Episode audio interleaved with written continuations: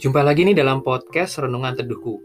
Podcast yang berisi tentang renungan singkat dari firman yang kita baca dan kiranya bisa jadi berkat buat kita.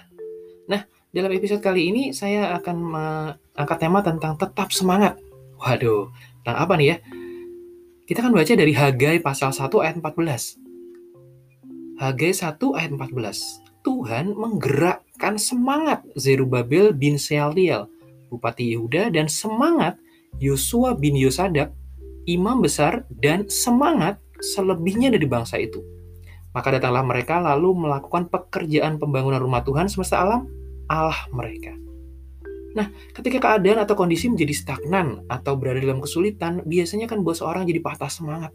Ya, orang yang nggak semangat jadi malas ngapa-ngapain kan? Karena jika dibiarkan berlarut-larut, maka tuh hasilnya tidak akan bagus.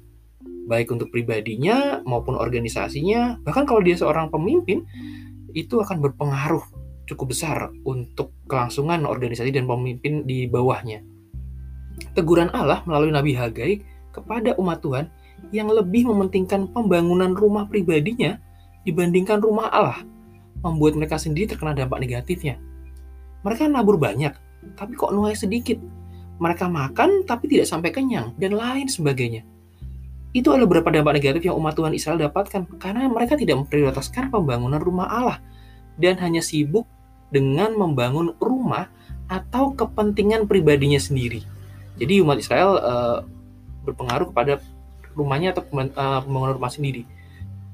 Nah, hal inilah yang ditegur oleh Tuhan melalui firman yang disampaikan sehingga Zerubabel dan Yosua serta selebihnya dari bangsa itu bangkit.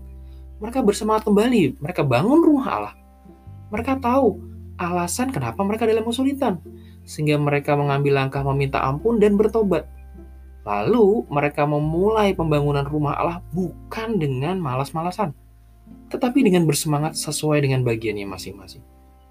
Nah, apa yang kita pelajari dari kisah ini? Kisah ini mengajarkan kepada kita tetap semangat mengerjakan bagian yang Tuhan telah tetapkan bagi kita. Dan percayalah, Tuhan yang akan memampukannya, bukan diri kita yang melakukannya. Bagian kita ialah percaya dan melakukan. Dan tetap semangat melakukan apa yang memang seharusnya kita kerjakan dan lakukan. Oke? Terima kasih untuk uh, episode kali ini. Tuhan Yesus memberkati.